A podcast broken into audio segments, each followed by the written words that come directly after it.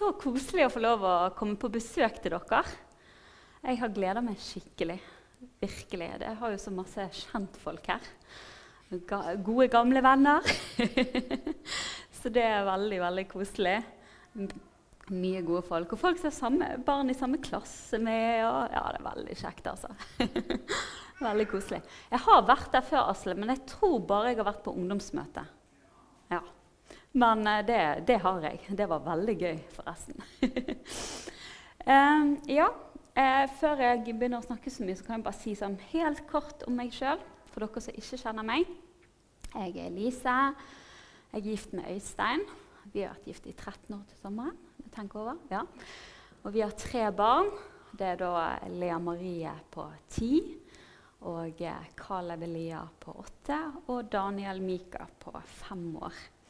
Så det er full action. uh, og utenom å være her, så jobber jeg på Bergen bibelskole, sånn som du nevnte. Og jeg uh, jobber litt i menigheten i Kristen Fellesskap Nordhordland. Både litt sånn i forhold til det å uh, ja, jobbe med ungdommer og nå ut med evangeliet og sånn. For meg føles det jo ikke det helt som en jobb, for det er liksom noe som bare brenner i hjertet mitt. Det er ja, når jeg får lov å dele Jesus med andre, da føler jeg at jeg lever. Eh, og så jobber jeg litt i, i um, kommunen som personlig assistent. Ja. Eh, jeg tenker jeg skal bare be litt jeg, før jeg sier så mye. Takk, kjære Jesus. Takk, pappa, at vi får lov å, å komme fram for deg i dag, Jesus, og, og beundre den du er, Jesus. Beundre det verket du har gjort i livene våre. Måten du har satt oss fri på, Jesus. Måten du har frelst oss, Herre. Måten du har gitt oss et nytt liv, Jesus. Og det at vi får lov å kjenne deg og ha et vennskap med deg, far, det er helt nydelig, Jesus. Herre, jeg er så takknemlig for at vi får være dine barn, Gud. Og Herre, jeg ber om at, at, at du i dag skal bare vekke opp vår begeistring over det du har gjort i våre liv på nytt, Jesus. Herre, la det bli en sånn begeistring i våre liv at det får lov å flomme ut som en naturlig overflod til menneskene vi møter Jesus. Hellige Ånd, jeg ber om at du må tenne våre hjerter i brann for de som ikke kjenner deg, Herre. På samme måte som ditt hjerte brenner for deg, Gud. La våre hjerter brenne med den samme kjærligheten som du har i ditt hjerte for hvert menneske som ikke kjenner deg, far. Hellige Ånd, jeg ber om at du må ta hvert ord nå og gjør det levende til våre, hjerte, våre liv og våre hjerter, Gud. Og vise oss, Herre, hvordan vi kan anvende dette i våre egne liv, Gud. Takk at du har oss alle sammen på en vandring der det kanskje ser litt annerledes ut for hver og en av oss, men du ønsker å bruke hver og en av oss der vi er, og der vi går, far. Så bare pust ditt liv inn i de ordene som jeg deler nå. Yes, navn. Amen. Yes. Eh, Å oh ja. Ja, flott. Der. Jeg har noen bilder. yes. Um, jeg skal snakke om det holdt på å si, Den overordnede overskriften for det jeg har kjent på at jeg skal dele om, er det der med å leve i forventning. Sant? Eh, og her ser dere her, her, kommer det noen kjente versene fra Johannes 4,35. Der står det det. Dere sier ennå er det fire måneder til innhøstningen. Men jeg sier dere, løft blikket og se på markene. De står alt hvite mot høst. Eh, så jeg ønsker å ha litt fokus på det der, at høsten den er moden her og nå. Eh, rundt oss der vi går nå, så er det mennesker som er klar for å gi livet sitt til Jesus. Det er mennesker som lengter etter Jesus eh, og vil bli kjent med han. Eh, og Jeg vet ikke hvordan det er med dere, men jeg tror det er en grunn til at Jesus sier at eh, dere sier om fire måneder er det høst. og jeg tror det er litt den der menneskenaturen som er i mange av oss, at vi har veldig lett for å eh, putte de der tingene veldig langt der fremme. Jeg er i hvert fall litt sånn sjøl, hvis jeg skal være helt ærlig. og jeg opplever stadig vekk at Den hellige ånd på en måte arresterer meg litt på det. og sier Elise, du, nå må ikke du hele tiden tenke at det jeg har for deg, det jeg kaller deg til, er der fremme. Jeg har noe for deg her og nå i dag. Og det tror jeg Gud ønsker å åpne øynene våre for. At det er ikke bare om fire måneder eller om fire år eller fire dager. Men i dag så er det mennesker som lengter etter Jesus. Um, yes. Og jeg tror at hvis vi, hvis vi lar oss eh, Ja, hvis vi hele tiden tenker Jeg må bare presisere, jeg, jeg trenger å si det at jeg snakker til meg sjøl òg. Det. Det er viktig for meg å få presisere. Derfor sier jeg 'vi'. For jeg tror hvis vi plasserer det langt frem, så tror jeg at vi går glipp av de mulighetene som Jesus har for oss i hverdagen, der vi går. Uh, ja. Hvis jeg kan ta neste bilde. Som jeg sa i sted, vi er omgitt av mennesker som lengter etter Jesus. Og C.S. Lewis han har sagt så bra The fact that the human heart longs for something this world can't provide, proves that heaven must be our home. Jeg syns det var så fint. Jeg er sånn quote-person. Jeg er veldig glad i sånne quotes, for det sier så mye. Sånn, det faktum at menneskehjertet lengter etter noe som denne verden ikke kan tilby, beviser at himmelen må være vårt hjem. Det syns jeg er så godt sagt. Fordi Hvis vi ser rundt oss i samfunnet i dag og på mennesker vi møter, så merker du veldig ofte at det er en lengsel i menneskehjertet som en prøver å fylle med ulike ting. Sånn, en kan prøve å uh, fylle det sant, med kanskje litt sånn åpenlys alkohol, sex, uh, penger, luksus. Uh, for den unge generasjonen Facebook-likes eller Ja. Sant? Det er så mange ting som vi hele tiden prøver, mennesker prøver å fylle seg med, som egentlig er et uttrykk for at de lengter etter Gud. Er et uttrykk for at åh, jeg, jeg blir ikke tilfreds. Jeg, jeg, klarer ikke å bli, jeg føler meg aldri full. Hvorfor det? Jo, fordi det er bare Jesus som kan fylle denne lengselen. Sant?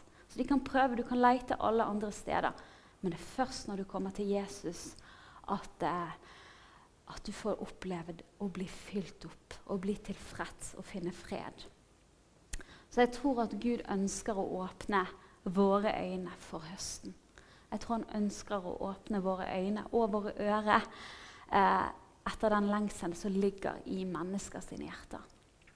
Eh, for noen år siden så, eh, så, var jeg på en sånn skole som het Awakening School. Det var en sånn eh, holdt jeg på å si, skole for folk som brant for å nå ut med evangeliet i Tyskland. Eh, og der var vi så heldige at vi fikk et sånn eh, live-intervju med Reinar Bunke, altså over Zoom. da. Og det var, var ikke så lenge før han døde. Eh, noe som gjorde veldig inntrykk på meg. Eh, og han sa veldig mye sterke ting der. Men han sa en ting som traff meg. Han sa mange ting som traff meg, men det er en ting som jeg beit meg merke i. Og som jeg bare opplevde Gud bare Elisa. um, og det var han sa. Du vet, en fisker som kaster ut garnet, han forventer alltid å få fisk. en veldig enkel setning, sant? Veldig enkel sannhet. Hvorfor gidde å fiske hvis ikke du forventer å få napp? Eh, og jeg bare kjente at Gud talte til meg i det. Og så sa han til meg at Vet du hva, Elise? Eh, du forventer du har mistet forventningen til å se mennesker frelst.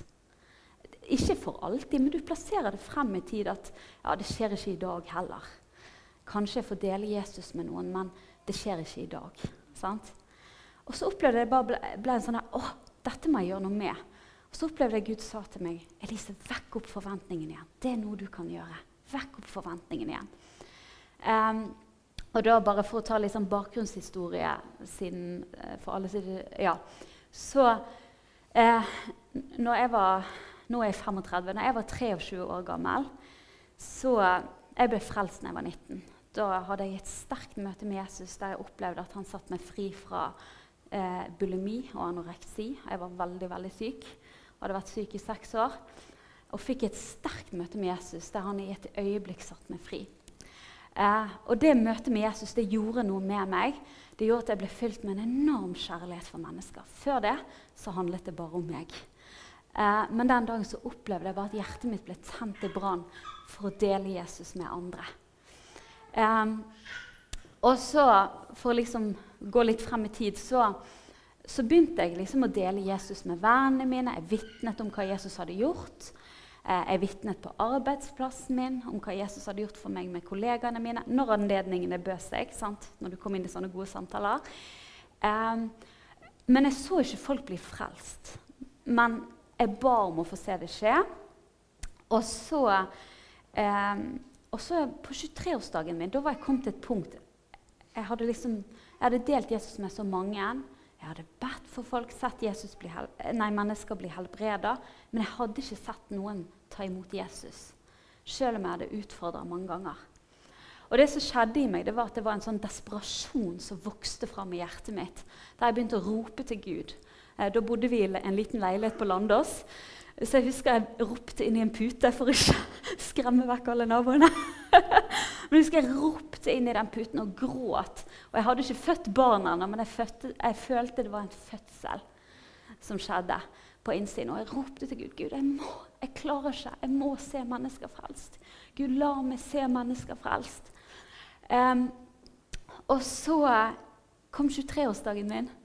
Og på den dagen så bare fikk jeg en sånn tanke. I dag skal jeg be Gud om én av tre ting.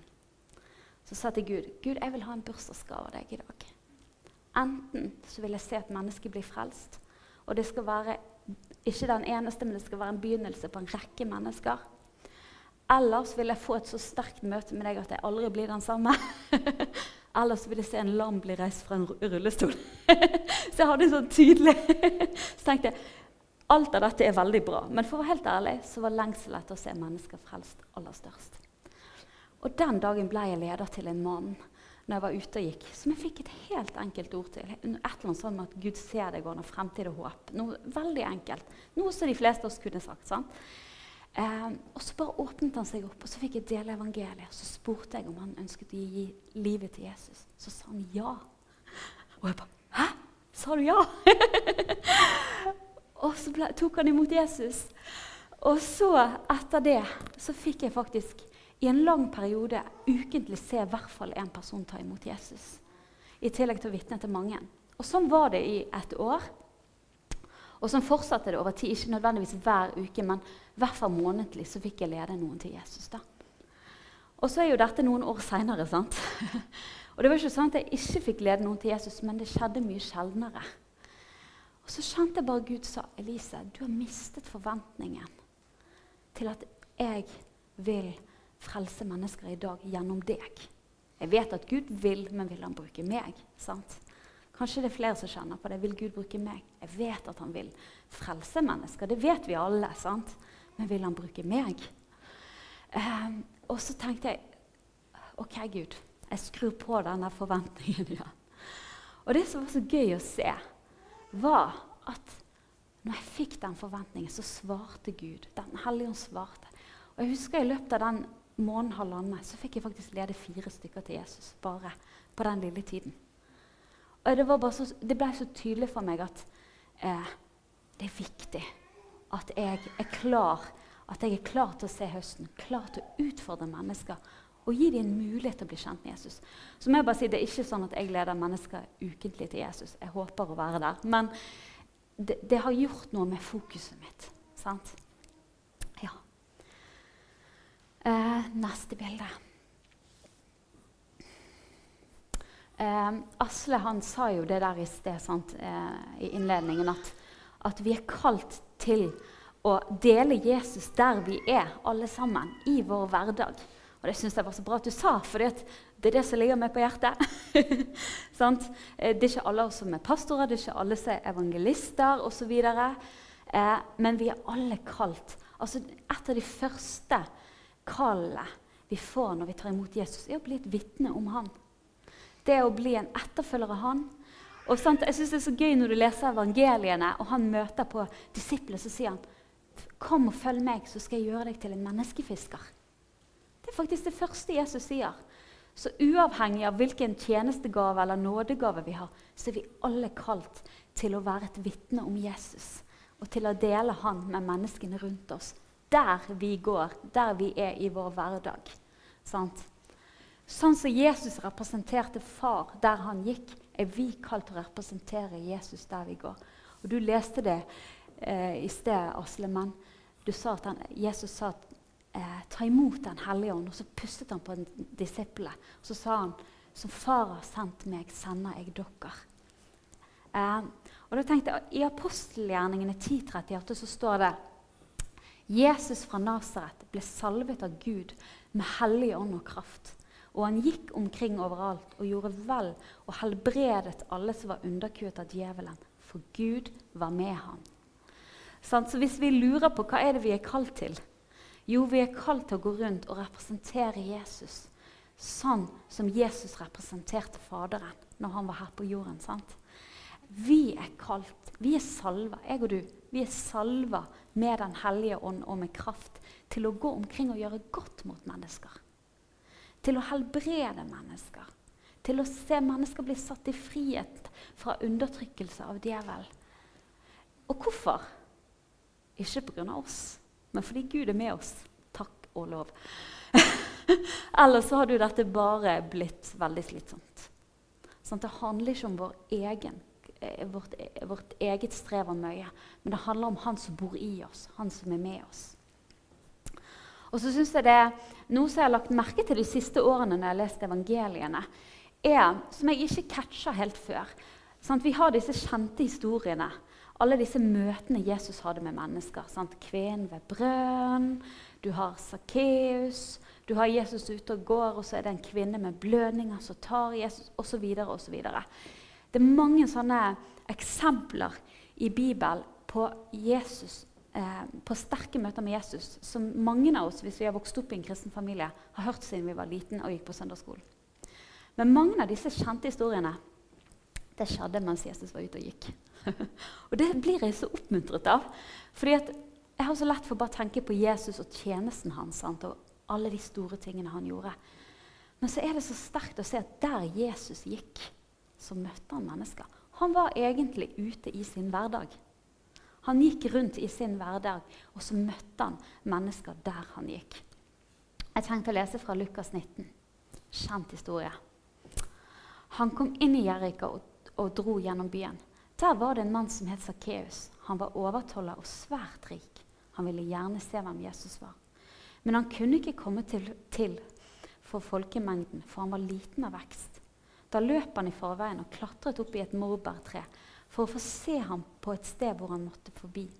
Og da Jesus kom dit, så han opp og sa til ham, 'Sakkeus, skynd deg og kom ned, for i dag må jeg ta inn hos deg.' Han skyndte seg da ned og tok imot ham med glede. Men alle som så det, murret og sa, 'Han har tatt inn hos en syndig mann.'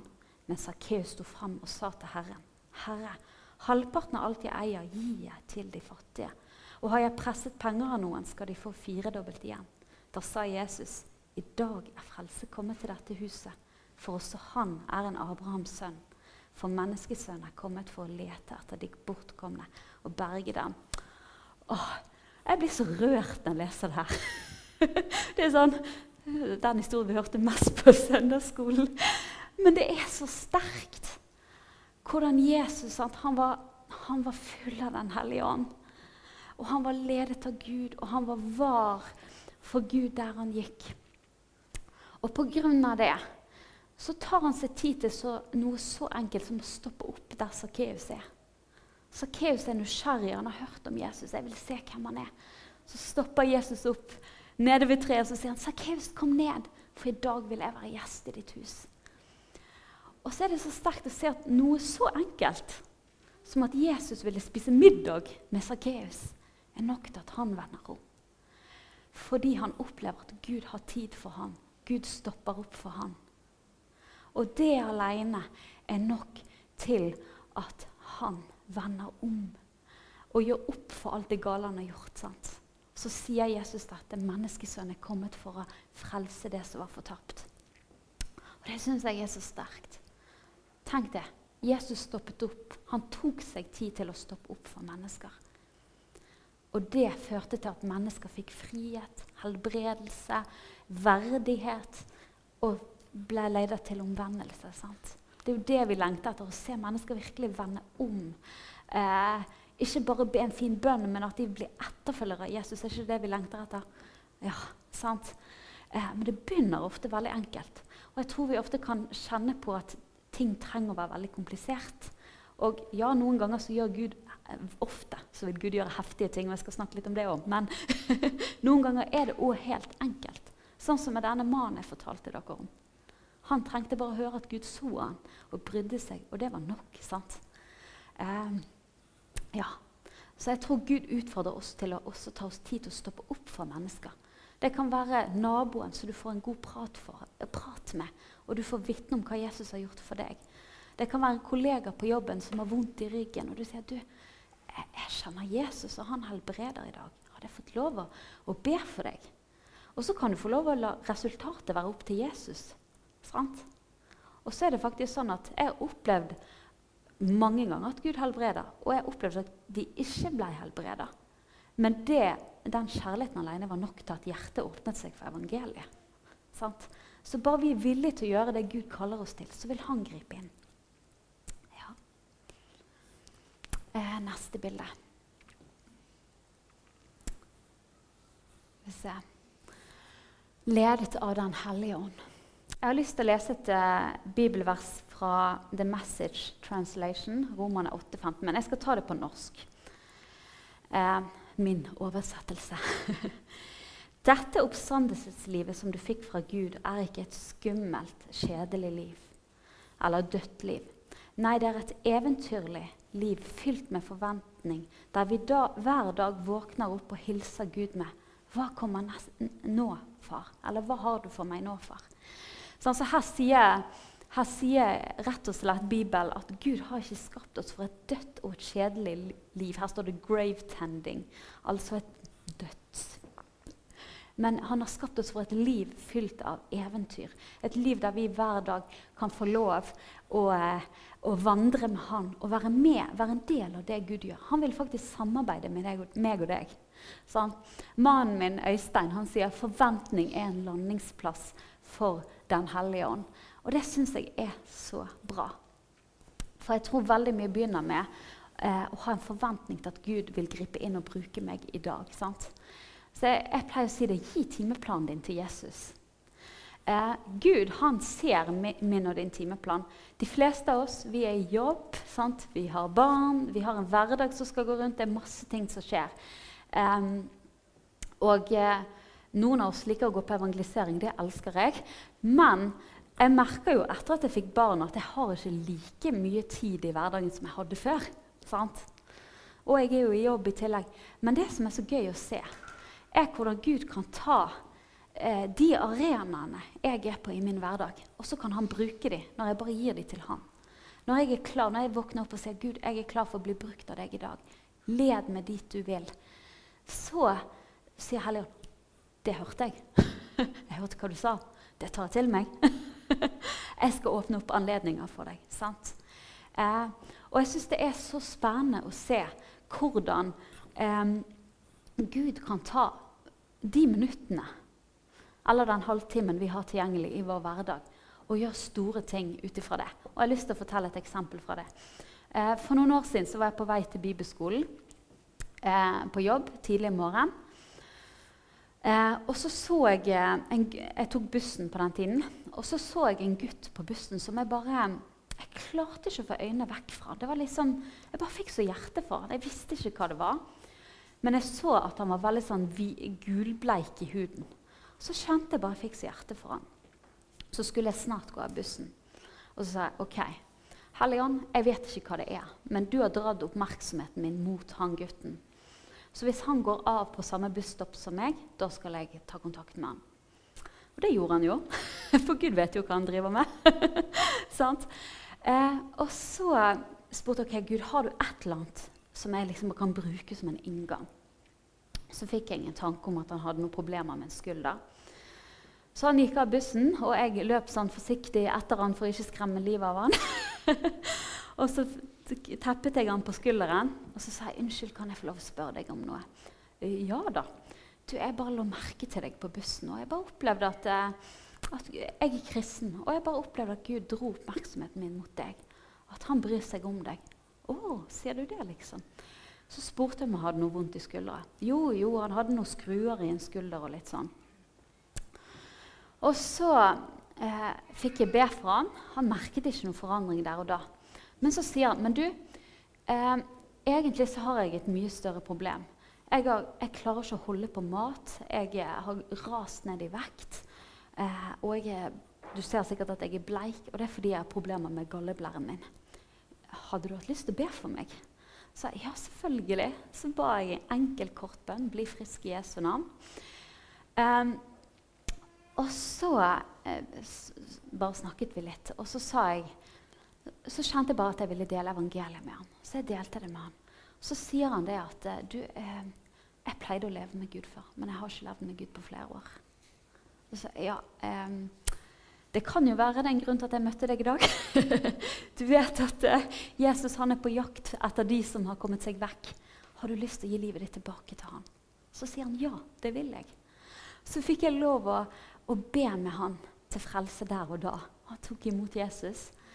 Uh, og jeg tror, jeg tror, vi snakket i syv-åtte minutter. Det var ikke lenge. Så måtte jeg løpe videre til jobb. Men jeg fikk nummeret hans. Så går det en stund før jeg får tak i han. Plutselig en dag så ringer han meg. Så nesten roper han til meg i telefonen. Så sier han du aner ikke hva som skjedde, Lise. Jeg kom tilbake til legen. Jeg er fullstendig helbreda i galleblæren. Jeg trenger, ikke, altså jeg trenger ikke operasjon. Jeg er frisk. Jeg holder på maten. Jeg har gått opp igjen i vekt. Gud har fiksa meg. Sant? Så syv-åtte minutter. Gud bruker oss når vi er villige, og han kan gjøre store ting med den lille tiden vi har. Det er sterkt. Men det begynner med en forventning til han. Ja, neste bilde. Eh, men det er viktig, som jeg sa i sted, det er så viktig å huske at det å bli ledet av Den hellige ånd, det begynner i Guds nærvær. Sant? Når vi er sammen med Jesus, så vil han la sin nød for mennesker smitte over på oss. Han har sagt i Johannes 7, 37 og 38 at de som tørster, skal få lov å komme til han og drikke. Og vi som tror på Han, sånn som Skriften har sagt, ut ifra vårt indre skal det flyte strømmer av levende vann. Eh, jeg tror at dette livet med Jesus er ment å være som en elv. Sant? Jeg synes, hvis dere kjenner til Arne Skagen, så har han et sånt godt bilde. Han sier det at du vet, Jesus han har, ikke, han har kalt oss til å leve som en elv.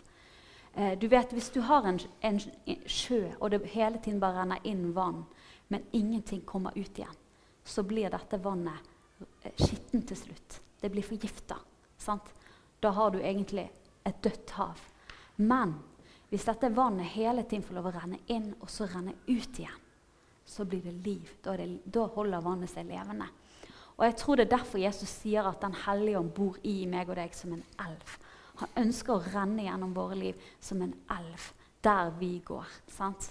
Men det begynner etter å ha vært sammen med Jesus. Det er der han vil fylle oss opp, sånn at på en sånn måte at vi bare kjenner jeg kan ikke holde det tilbake.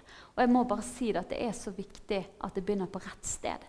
At ikke det begynner med å prøve å produsere frukt i egen kraft.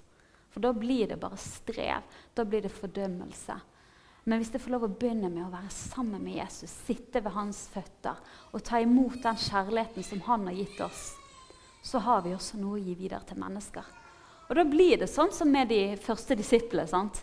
Når de ble brakt fram for Det høye rådet og anklaget for å ha delt Jesus, så sier de ja, men vi kan ikke noe annet enn å fortelle om det vi har sett og hørt. Sant? De måtte. De klarte ikke å holde tilbake. Fordi de hadde vært sammen med Jesus. De hadde sett den Jesus var. Han hadde fått lov å forandre dem. Og de måtte bare dele det videre med andre. Ja, jeg skal ikke lese det nå, men i Esekiel 47, vers 6-9, så står det om en elv som flyter ut ifra Guds trone. Um, det er en elv, sant? Eller ut ifra tempelet, står det. Eh, og så står det det at eh, når dette vannet renner ut i sjøen, blir vannet friskt. Alle levende vesener som det kryr av overalt hvor denne elven renner, skal få leve. For hvor det skal bli mengder av fisk, for hvor dette vannet kommer, blir alt friskt og levende. Alt som er der elven renner. Sant? Så jeg syns det er et sånn godt bilde på Jesus. Der Jesus gikk, så ble mennesker friske, helbredet, satt i frihet, som jeg sa i sted. Og, de, og mennesker vendte om og kom til tro. Sant? Men det begynner hos Jesus. Og sånn kan vi få være der vi går. Um, skal vi se Jeg skal lese fra eh, 2. Korinterbrev 3,18. Dette er hverdagsoversettelsen. Jeg syns den var litt fin. Alle vi som har fått våre, åpnet våre øyne, kan se Jesu herlighet og beundre ham. Herligheten forandrer oss slik at vi blir mer lik ham. Ja, for hver dag som Herrens ånd påvirker oss, avspeiler vi mer og mer av Hans herlighet. Det er sterkt? Alle vi som har fått åpnet øynene våre og sett Jesus vi blir forvandret. Vi begynner å ligne på han. Jo mer vi er sammen med han, så smitter den han er, over på oss. Eh, og jeg tror at folk kan se det på oss uten at vi sier noe òg. Men jeg tror ikke det betyr at vi skal være stille. det kan lett bli sånn eh, Ja, forkynne evangeliet om nødvendig bruke ord. Det er jo sant til en viss grad, men det må ikke gjøre at vi ikke forkynner evangeliet. Vi må forkynne evangeliet. Ellers så kommer ikke mennesker til tro. Men det er noe med at vi blir forandra av å være sammen med Jesus. Vi begynner å ligne på han. Og ikke nok med det. Når vi er sammen med han, Vi er venner. sant? Venner deler hjertet med hverandre. Um, og når vi er med Gud, så vil vi, vi øser ut våre hjerter for Gud, men så øser han også ut sitt hjerte til oss. Og Du kan ikke være veldig lenge med Jesus før du begynner å oppdage at han er veldig glad i mennesker. så Det var det han ga livet sitt for. Det var det han ofret alt for. Det var fordi han ønsket å komme og frelse. Eh, og noen ganger så vil Gud, Av og til så opplever jeg Gud taler til meg på en sånn måte som bare stikker meg i hjertet. Og det var En gang jeg brukte tid med Gud når hun eldste var litt mindre. Så fikk jeg et bilde. Da var hun sånn fire år. Så så jeg Lea Marie, fire år gammel. Så så jeg Lea Marie gå langs motorveien med bare biler som suste for veien liksom 80-100 km begge veier. Og Hun gikk helt ute i kanten. Og Det var liksom bare et spørsmål om tid no, hvor, når en bil ville treffe henne. Og Så kjente jeg bare den der, nøden i hjertet. Sånn. Tenk om det hadde skjedd i virkeligheten. Det var vondt å se, selv om jeg visste at det ikke var ekte. Sant? Og så opplevde jeg Jesus sa til meg, Elise, hvordan ville du kjent det hvis det kom en mann eller en dame og fant Lea langs motorveien, tok henne i hånda, redda henne, fikk henne i sikkerhet og brakte henne hjem igjen Du ville blitt så takknemlig. Sant? Så sa Jesus, sånn er det for meg når dere er villige til å gå. For det er sånn det er med livet til mennesker også. De vet ikke hvor lenge de har. Som, som Asle sa her nede, livet her nede er ikke evig. Det er bare midlertidig. Dette er bare generalprøven for det som en gang kommer. sant? Um, men, men, men, den der Jesus han lengter etter å rykke folk ut av fortapelsen og inn i himmelen. Det er hans største lengsel. Og det, jeg tror faktisk at jeg tror det er mange ting som berører Guds hjerte, men jeg tror noe av det som berører Guds hjerte aller mest, er når vi er villige til å gå. Når vi er villige til å dele Han med andre. Fordi det er hans det, Hvert menneske var skapt til å være hans barn. De var ikke skapt for å gå fortapt, men de var skapt for evig liv. sant? Så jeg tror det rører ved Guds hjerte. Ja. Eh, neste bilde. Nå skal jeg prøve å ikke gå for lenge her. eh, skal vi se Ja. Kjente vers. For vi er Hans verk, skapt i Kristus Jesus til gode gjerninger, så Gud på forhånd har lagt ferdig for at vi skulle vandre i dem. Efeserne 2,10. Sant? Gud han har gjort klar gjerninger som jeg og du kan få lov å gå inn i. Eh, men han ønsker å åpne våre øyne, så vi kan se det han har gjort klart. Eh, og som jeg sa i sted, denne forventningen blir skapt når vi er sammen med Jesus. Når vi er sammen med han, så vil han åpne våre øyne, så vi kan se det han holder på med. Så vi kan gå inn i de gjerningene han har klar for oss. Um, for, uh, for en, noen år siden så jobbet jeg på en uh, kantine, bare sånn en sommerjobb. Og så var det en dag det var noen, uh, noen av de damene som var der. Vi hadde liksom tid til å stå og snakke mens vi jobbet på kjøkkenet. Så sa hun ene dama du Elise, hva, hva gjør du på i helgene. da? Liksom. Så tenkte jeg og jeg hadde bedt Gud om muligheter. Så tenkte jeg ok, nå har jeg muligheten. så jeg sa nei, altså, du vet, jeg er kristen, så jeg, jeg liker å gå på møter. Eh, og jeg liker å være ute og fortelle andre mennesker om Jesus og be for syke. Og så merket jeg, så loddet jeg litt stemningen. Jeg så litt hvordan hun reagerte. Så bare, å, å, å, så spennende, sant? Så hørte jeg at hun syntes det var spennende. Så jeg fikk liksom dele litt om hva Jesus gjorde, og hun spurte mer. Jeg hadde en fin samtale. Um, og så en, Noen dager seinere så, så sto jeg i oppvasken. Og så Plutselig så kommer en av de inn til meg så sier de, Elise, kan du komme ut litt i kantinen? Det er en mann som trenger å snakke med deg. Og jeg bare OK, hva skjer nå? Så står det en, en mann i ja, 50-60-årene der. Så ser jeg bare at han ser helt desperat ut. Og så sier jeg 'Hei, jeg heter Elise. Hvem er du?' Så sier han navnet sitt. Og så sier han du, eh, 'De fortalte meg at du var en sånn som ba for folk.' Jeg bare ja, ja da, jeg er kristen, jeg, og Gud elsker å gjøre ting. Helbrede mennesker. Ja, du skjønner, Barnebarnet mitt ligger på Haukeland i koma. Og legene vet ikke hva de skal gjøre. Og hun var tre år gammel. Så sier han, 'Kan du be for henne?' Han var helt desperat. sant? Visste ikke om hun kom til å leve og dø. Så sa jeg, 'Ja, ja, ja, selvfølgelig skal jeg be'. Så ba jeg en sånn to halvannet minutts bønn med han, både for dette barnebarnet og at Gud skulle vekke opp igjen. og at, um, sånn at um, Guds fred over familien og litt sånne ting. Og så måtte han liksom gå tilbake på jobb, og jeg gikk tilbake. Og så kjente jeg en sånn Hva skjer nå? Mens mens jeg sto der, så kjente jeg plutselig at jeg fikk en sånn overnaturlig tro. Det begynte å boble i magen. og jeg bare visste at Gud gjør noe akkurat nå. Så jeg begynte bare å takke Gud, for jeg var aleine der inne, og det var høy lyd på vaskemaskinen. Så jeg begynte å takke Jesus for at han reiste hun jenta opp der og da. Så går det ca. en time, og så blir jeg ropt ut igjen i kantinen. Og Så står han mannen der, og tårene bare renner nedover kinnet hans. Så forteller han du vet, vet du hva som skjedde. Kort tid etter at du ba, så ringte datteren min meg. Hun har våknet opp igjen fra koma. Hun sitter i sengen, ser på barne-TV, og de har akkurat gitt henne mat. Eh, og han bare gråt og gråt og visste ikke hva han skulle si. sant? Og jeg sa jo bare at eh, ja, det er all ære til Jesus. Er, jeg har bare bedt en enkel bønn, men Jesus bryr seg om deg og familien din. Eh, så, så, snakket jeg litt med ham i løpet av dagen, og jeg liksom delte evangeliet. Men han ga ingen respons. Men så, jeg tror han var så satt ut, og det skjønner jeg veldig godt. Satt ut av hele situasjonen. Så går det noen uker. Nei, det går faktisk et halvt år.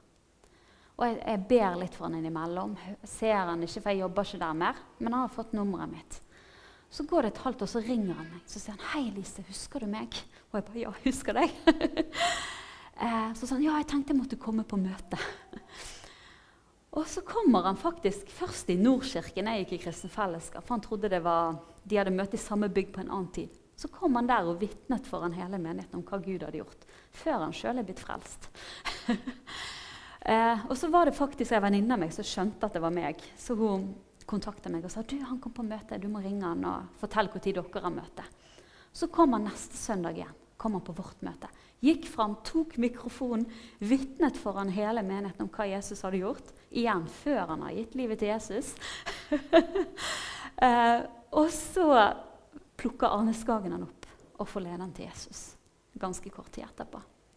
Så vi aner ikke hva enkle ting At vi bare deler noe Jesus har gjort i våre liv. Eh, at vi er frimodige med å dele troen med han kan åpne opp der vi er. Men det handler om å gripe de ferdiglagte gjerningene Jesus har for oss. Eh, ja, skal vi se og bare si at Av og til så gir Gud oss sånne enkle innskytelser. Sant? At han minner oss på noen og sender en hilsen. Eller jeg har opplevd at Gud har minnet meg på å kjøpe en blomsterbukett til noen eller lage en middag en dag jeg hadde tid til det. Og så har jeg sendt en melding og sagt du, i dag vil jeg komme på, med, eh, på døren med middag til deg. Og jeg bare opplevde Gud minnet meg på deg. Og så har jeg fått se hvordan en så enkel ting, eller en blomsterbukett eller en hilsen Når det er Den hellige ånd, og det er på rette tid, så åpner hjertet seg for Jesus. Så jeg tror det er så viktig at vi lytter til de innskytelsene Den hellige ånd gir oss i hverdagen. Um, nå skal jeg snart gå mot en landing her. um, men jeg kjenner også, jeg har bare litt lyst til å si at um, nå får dere mange sånne suksesshistorier i dag. sant?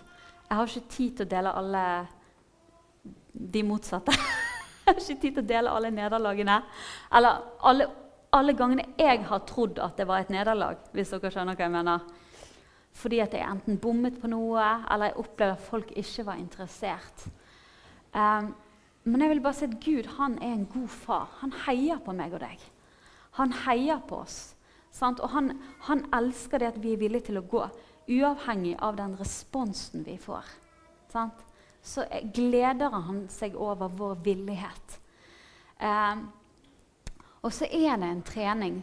Eh, mange av de historiene jeg har delt nå, det er sånn som har kommet etter å ha gått med Den hellige ånd over tid. Og så blir du mer og mer var. Men for meg så begynte det så enkelt som å stoppe noen på butikken og si jeg bare opplever jeg skal si til deg at Gud har fremtid og håp. Eller si det til naboen. Det begynte helt enkelt. Men så så Gud at jeg var villig til å gå på det der enkle. Og jeg så at mennesker faktisk ble veldig berørt av det. Noen knakk sammen og begynte å gråte. Og jeg fikk dele med. Andre sier bare takk og ha en fin dag. Noen sier jeg er ikke interessert. Men det som jeg har fått se er at når vi er villige til å gå i det lille Gud setter foran oss, og handle på det, så gir han oss mer. sant? Den som er trofast i smått, skal bli satt over større, står det i Bibelen. Så eh, vi har hver vår egen vandring, men vær frimodig med det Gud har gitt deg. Eh, da er det siste bildet. Eh, jeg ble bare Jeg vet ikke, men jeg ble veldig minnet på Esekiel 37. Der står det om Esekiel som får se en dal full av, eh, av bein. Um, og der står det Herrens hånd kom over meg.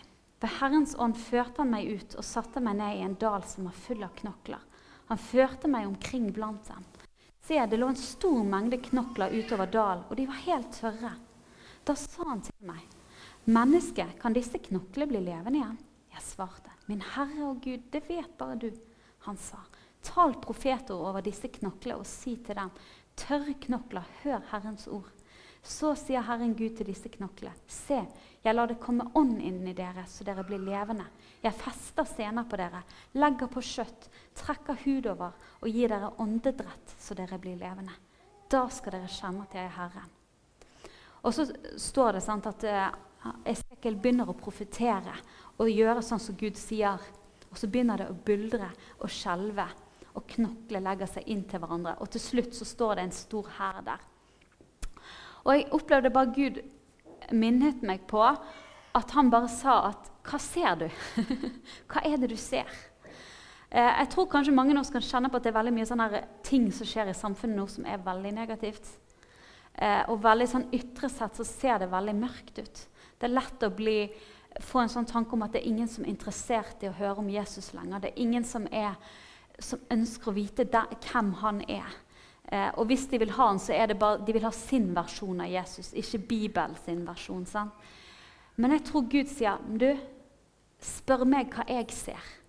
Og så sier han 'tal profetisk'. Og Der kommer vi jo inn både på det å tale ord inn i menneskers liv, og den siden av å be for å se en forandring. Be om at himmelen skal komme til jorden.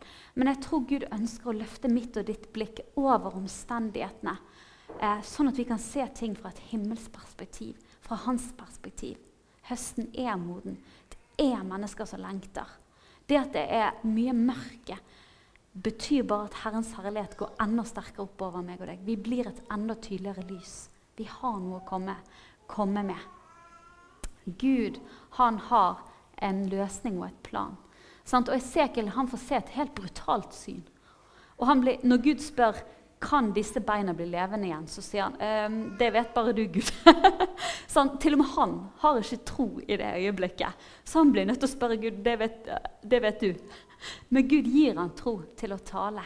Og så begynner det å komme liv inn i det. Og jeg opplever at Gud vil oppmuntre oss med det. At han, han vil gjøre døde ting levende igjen. Um, sånn at vi kan få se en forandring. Og han har en løsning for enhver situasjon. Er det greit at jeg avslutter med et vitnesbyrd? Er det tid til det? Ja? Ok. Um, det er jo mange sånne situasjoner vi kan møte på som kan se litt håpløse ut. Og jeg ble så minnet om et vitnesbyrd. Dette går ikke på frelse, men det det er, likevel veldig sterkt. Det var En gang vi var ute på sånn her skattejakt. Da spør vi Gud hvem vi skal møte på forhånd. Og Så møtte vi en dame som Gud hadde vist oss før vi gikk ut. Um, og så opplevde vi vi bare skulle gå bort henne. Vi hadde ikke noe spesielt annet enn at Gud har fremtid og håp. Så deler vi dette med henne. Og Det er sjelden jeg har sett en sånn sky over et menneske. Men du bare merket hele ansiktet hennes var håpløst. Du så det var akkurat som en tåke over henne. Og vi delte det. Og jo mer vi delte liksom at Jesus ser deg, han bryr seg, vi vil bare si det, så sier hun bare 'Jeg vet ikke hva jeg skal gjøre.' 'Jeg vet ikke hva jeg skal gjøre.' 'Jeg vet ikke hva jeg skal gjøre.' Så sier vi, 'Hva mener du?' 'Nei, meg og min mann vi har tre barn fra før, og jeg er gravid med det fjerde.' 'Men vi har ikke penger. Jeg ser ingen annen løsning enn å ta abort', sier hun. Og meg og han som jeg var sammen med da, vi bare 'Å, nei, du, da, da er det, det er ingen tvil om at Gud har sendt oss til deg.' Han vil gi deg håp inn i denne situasjonen. Han har en løsning. Men uansett hva vi gjør, så er det akkurat som vi bare møter en vegg. Det var, det var som å snakke til en murvegg. Og vi sto der sikkert i en halvtime og prøvde å oppmuntre henne og si at Gud ser for deg. Kan vi be for deg? Ja, bare be, sier hun. Men du merker at det ikke når frem. Og så mens vi står der, så hører jeg bare Den hellige ånd si, Elise, du og Jimmy skal bli løsningen for denne damen nå. Gå og ta ut litt penger og demonstrer at Gud vil ta seg av henne og familien. Så jeg trekker Jimmy som var med meg litt til siden, så sier Jimmy, du, kom hit litt. Så sier jeg bare vent litt. Du, jeg bare opplever Den hellige ånd sier at vi skal ta ut litt penger. Og bare demonstrere at Gud vil forsørge henne og familien. Så sier han ja. Selvfølgelig! Hvorfor ikke tenkt på det? Nei, nei, det var Den hellige ånd. det burde vi jo tenkt på. Men så sier vi du bare sitt her og vent litt. Vi kommer tilbake om noen minutter. Så går meg og han i minibanken, så tar vi til sammen ut 1100 kroner. Det er jo ikke verdens største sum. Så gir vi dette, disse pengene til denne damen. Så sier vi du, eh, vi bare opplevde det. Den hellige ånd sa til oss at han vil vise deg akkurat her og nå at han vil være din forsørger. At han vil ta seg av din familie og dine barn. Så vi opplever bare at vi skal gi disse pengene til deg som en demonstrasjon på at han er trofast. Og snakk om å se ting bli løst i et øyeblikk. Fra liksom å ha stått i en halvtime og prøvd å tale håp, så begynner hun å danse rundt på gulvet og juble og hoppe og begynner å snakke om den store festen og all maten hun skal kjøpe. Og jeg tenkte Det var som om vi skulle gitt henne 50 000. For hun ble bare så glad. Og så sa vi må du huske at Gud sørger for dere. Og så går vi videre eh, etter å ha liksom snakket masse. Og så kjenner jeg bare sånn Kjære Gud, jeg håper jeg håper at hun ikke tar abort. Og så vet vi ikke hva som skjer, annet enn at vi bare tar henne med i bønn. Og Så går det et år. Så står jeg på Lindex nede i Knarvik. Og så ser jeg midt i kleshunden at det står en dame der og vinker febrilsk til meg. Og så holder hun en nydelig liten jente i armene. Og så sier, hun 'Hei, hei, husker du meg?' husker du meg? Jeg bare 'Ja, ja, jeg husker deg'. Eh, det var du som skulle ta bort. Jeg ser at du, du har en liten jente. Så sier jeg, vet du hva? Det dere gjorde, det reddet meg. Jeg var helt håpløs. Jeg hadde bestilt time på kvinneklinikken dagen etter for å ta abort. Men idet dere ga meg de pengene, så fikk jeg tro. Og jeg eh, ringte samme dagen og avbestilte timen og sa jeg skal ha dette barnet. Dette barnet skal leve. Jeg vil ikke ha den aborten. Og så fikk hun dette barnet, og Gud hadde sørget for dem. Hun sa de hadde hatt alt de trengte, alt ordnet seg. Og det var den enkleste babyen de noen gang hadde hatt. Den sov godt om natten og var, den, var kjempeglad. Så Gud holdt løftet sitt. Men poenget mitt med denne historien er at Gud har nøkler inn i enhver situasjon der det ser mørkt ut. Han vet hva mennesker trenger, og han vil la meg og deg få teppe inn, sånn at vi kan få nå dem der de trenger å bli nådd. Amen.